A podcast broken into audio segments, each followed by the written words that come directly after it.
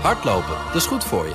En Nationale Nederlanden helpt je daar graag bij. Bijvoorbeeld met onze digitale NN Running Coach... die antwoord geeft op al je hardloopvragen. Dus, kom ook in beweging. Onze support heb je. Kijk op nn.nl slash hardlopen.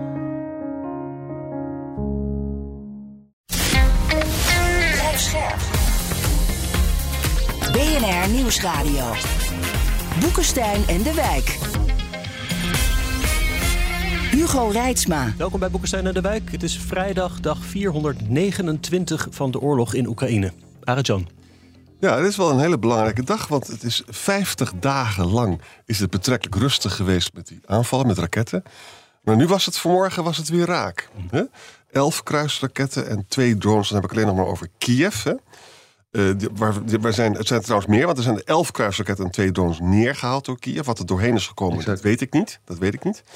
In Dnipro ook twee doden. Uh, in de stad Oeman in de regio Cherkasy is het, ook, is het ook raak.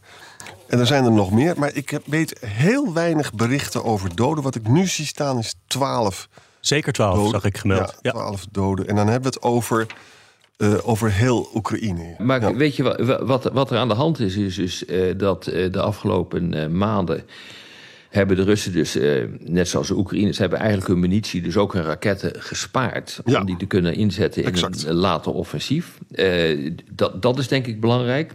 Wat ook van belang is, is dat al die aanvallen met die drones en met die raketten of dat nou kruisraketten zijn of ballistische raketten, dat maakt nu niet zoveel uit. Op die vitale infrastructuur, met name de elektriciteit, dat heeft dus eigenlijk geen fluit opgeleverd. Mm ja. uh, dat is nu ook erkend dat dat definitief ja, gewoon gefaald heeft. Wat we ook zien is dat de Oekraïense luchtverdediging is uh, uh, verbeterd, waardoor ook steeds meer uh, van die raketten onderschept worden. Ja. En wat we nu ook tegelijkertijd zien is dat de Russen bezig zijn om hun tactieken te veranderen. Ze laten bijvoorbeeld eh, die kruisvluchtwapens via verschillende uh, routes uh, naar een doelen uh, gaan, waardoor het steeds lastiger wordt om die raketten te onderscheppen. En wat we ook zien is dat die hypersonische kinzalraketten nu worden gebruikt. Ook kennelijk in een test om te kijken van hoe je op die manier ook de luchtverdediging kan om, omzeilen. Dus men moet wat. men zal, als er sprake is van een grootschalig offensief, steeds meer raketten gaan, eh, gaan inzetten, is mijn inschatting. Maar dan niet tegen de burgerbevolking, maar mogelijk bijvoorbeeld tegen eh, commandoposten en dat soort eh, zaken. Om zeg maar, het hele offensief te kunnen ontregelen. Dat is de, ook de inschatting die ik bij buitenlandse collega's op dit ogenblik zie. En ik zie dus dat Russische bom bombers, hè, dus van die. Uh... Uh, bom, bomvliegtuig, hoe zeg je dat in Nederland? Bommenwerpers. Bommenwerpers, Bommenwerpers Die, ja, die, ja, die zaten boven de Kaspische Zee en die hebben dus 24 uh, kruisraketten afgevuurd. Waarvan er dus 12 zijn neergehaald. Ik probeer hm. een beetje die getallen met elkaar te verbinden. Hm. Als we dan kijken naar het front, natuurlijk in Bachmoed weer zware gevechten gemeld, maar weinig terreinwinst voor welke partij dan ook. Maar Rob, jij zei we moeten naar een ander plaatsje kijken vandaag. Ja, voel het daar. Eh, dat ligt, wat, dat ligt zeg maar eh, iets verder naar het, eh, naar het zuiden. Je ziet dat de Russen, dat is wel bijzonder, daar bezig zijn met een groot offensief. Ja. Uh, dat is niet onbelangrijk uh, om daar een offensief te beginnen voor de Russen. Omdat je weet dat dat op een kruispunt van wegen zit. die ook de toegang geven tot de oostelijke Donbass. Uh, maar wat het meest bijzondere hier is, is dat. Ehm, kijk, in Bakmoed hebben wij voortdurend gesproken over het feit dat die Prigozhin allerlei gevangenen inzet. Ja. En dat maakt allemaal verder toch niet zoveel uit als die, als die mensen doodgaan. En bovendien heeft dat geen economische impact. Maar nu zie je dat bij Voelen daar de, de best geoefende troepen worden in, uh, in worden gezet. Waaronder de, ma uh, de marine-infanterie. Dat is iets wat we helemaal niet in Europa kennen, maar de Russen wel. Uh, en dat zijn eenheden die komen uit het Verre Oosten. Dat is wel, ja, dat is wel bijzonder, moet ik, moet ik zeggen. Dus daar is iets aan de gang. En kennelijk, ja, kennelijk is men bezig op hetzelfde te doen. Wat uh, de Oekraïners hebben gedaan in Bakmoed is de voorzichtige inschatting, want helemaal goed weten we dat natuurlijk niet. Uh, en dat betekent dus dat ze nu zoveel mogelijk Oekraïners willen doden, zodat die niet kunnen worden ingezet in het komende offensief. Hm. Ja. En de Oekraïners zeggen dat we hebben nog nooit zoveel raketten gezien die op ons afkwamen. Het gaat maar door, dag en nacht. Ja. Maar ik heb, ik, ik heb nog niet gelezen, Rob, dat ze ook echt aan het winnen zijn daar, de Russen.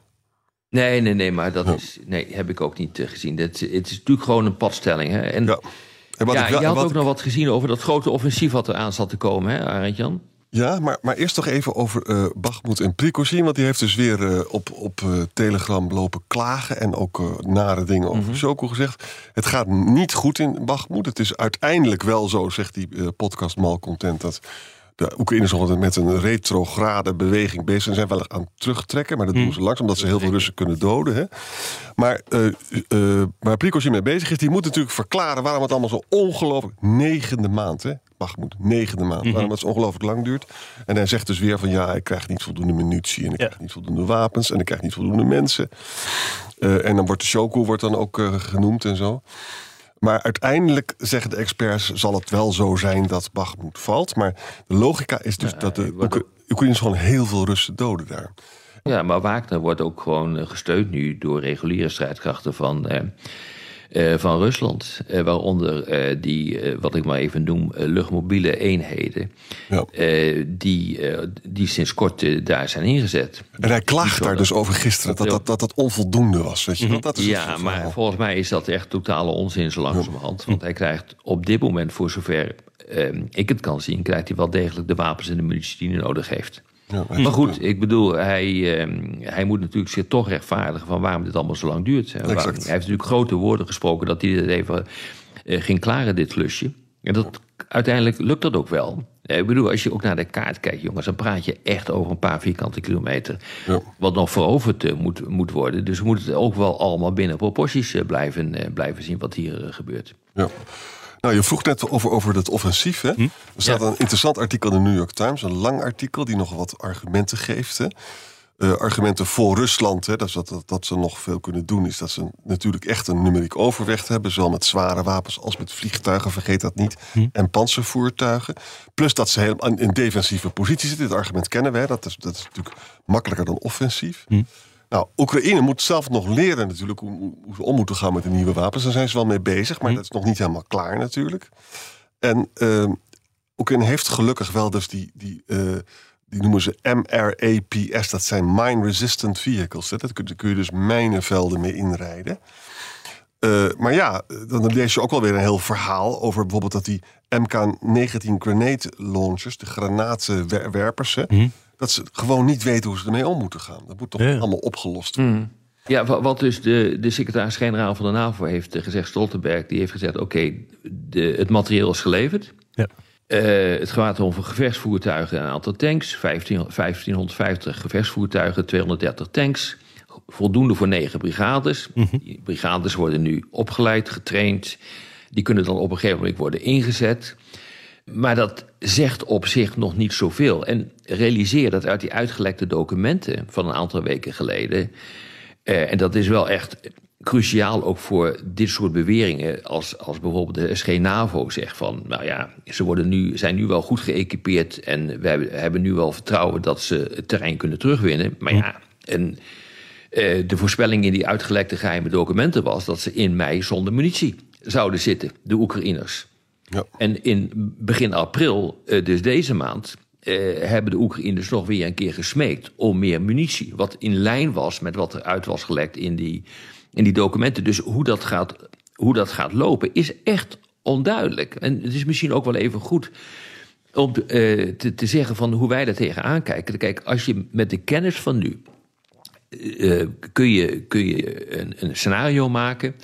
Eh, dat de Oekraïners inderdaad met een offensief beginnen. We zien dat nu ook eh, bij Prigozhin heeft dat gezegd, maar ook uit de Russische kant, de Oekraïnse kant. eh, de grond die begint op te drogen, dus je kunt met zwaar materieel kun je makkelijker daar overheen gaan. Je kunt veel makkelijker dan je aanvoerlijnen en je logistiek eh, inrichten. Maar dat wil nog niet zeggen dat je zonder meer kan doorstoten, stoten, nou bijvoorbeeld eh Melitopol, om van daaruit te proberen om die landbrug tussen de Krim en, eh, en Rusland te ontregelen.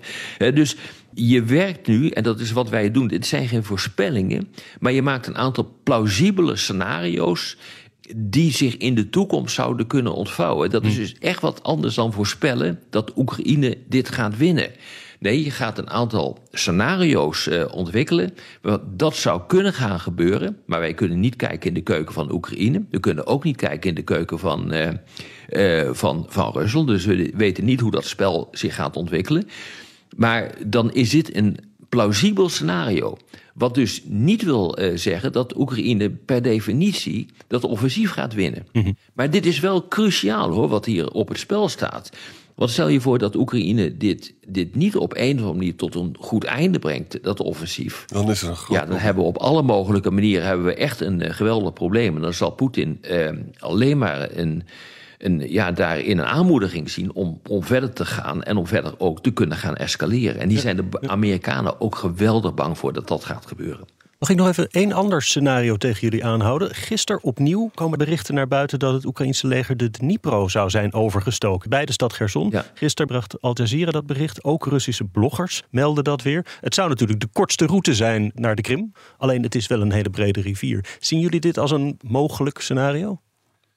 Nou, het, het, het, alles is mogelijk, maar, maar het is geen deceptie dan. Hè? Het is geen deceptiestrategie, want iedereen denkt, houdt er, ziet daar die troepen bewegen. Nou, wel. Ja. Maar Maar dat wat kan je zo niet zeggen, Arend Jan. Nee, dat kan je echt zo niet zeggen. Dat kan het juist wel zijn.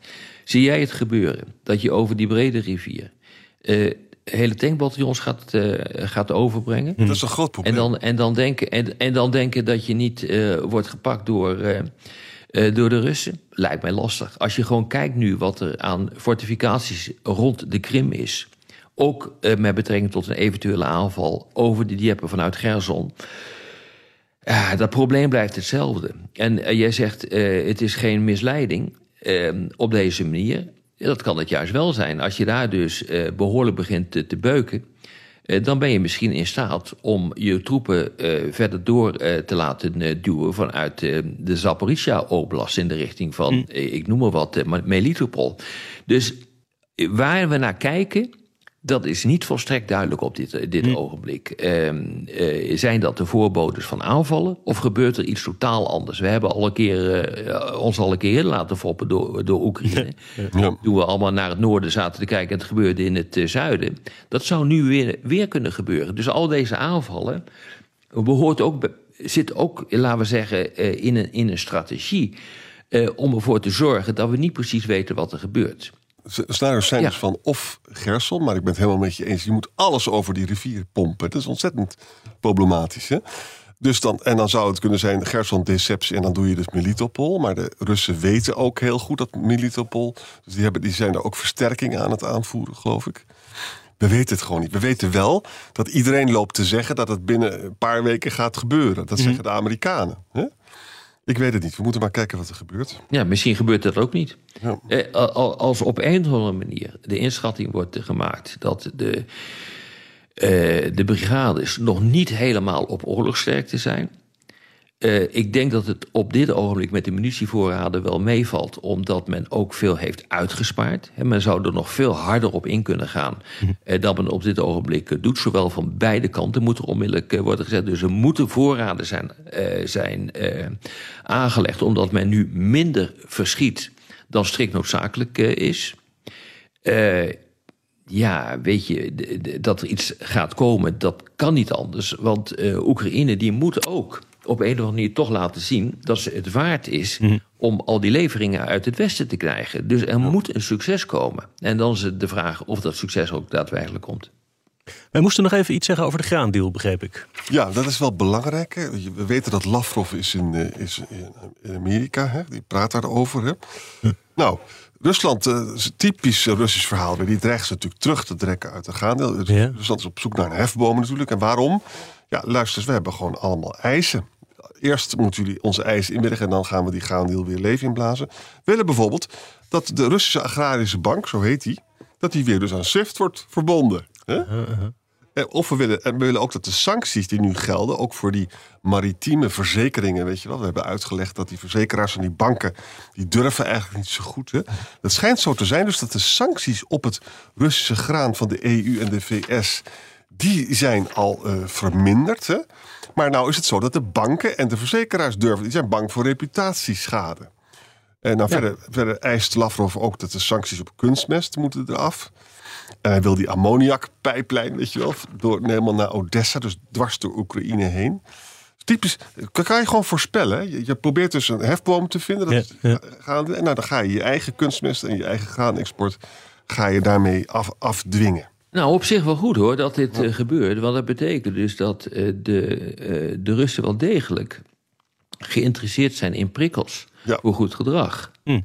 Eh, en dat kun je dus ook vertalen naar een mogelijke situatie eh, in aanloop naar een staakt het vuren. En dit zou je dus kunnen koppelen. Ik, als, je dit, als dit dus waar is, eh, dan kun je zeggen van oké, prima, dat, eh, eh, eh, wij willen daarover praten, maar dan praten we er in een bredere context over. Ja. Dan Ja. praten we erover ook in de context van een mogelijk staakt het vuren in, eh, in Oekraïne.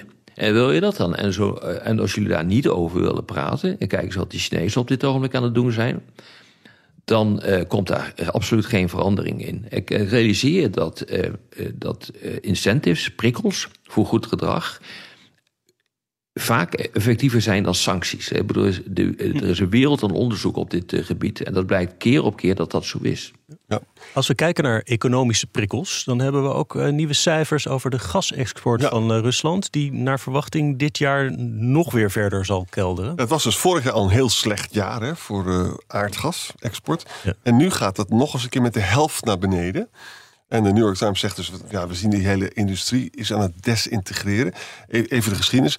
Eh, Rusland heeft natuurlijk zelf die, dat, dat, die eh, pijpleidingen eh, gesloten. Hè? Dat moet je even goed bedenken. Maar ja, dat betekent natuurlijk wel dat je dus veel minder verdient. En dat ze ook met een surplus zitten. Dus dat ze ook maar voor een gedeelte bij China en bij India kwijt kunnen. Noorwegen is bijvoorbeeld natuurlijk veel belangrijker voor West-Europa geworden dan Rusland. Dat kan, kon je natuurlijk verwachten. Hè? Ehm, ja, eh, de, de aandelen van blijven wel hun waarde behouden. Maar dat komt dus ook omdat ze, ze worden gewoon gedwongen om ze zelf weer op te kopen en zo. Dat gebeurt dus, dat soort dingen gebeuren in Rusland dus ook. Hè? En eh, ja, op de lange termijn is dat natuurlijk niet leuk. Dat betekent gewoon minder Ja. inkomsten. Nou, misschien eh, in het verlengde hiervan.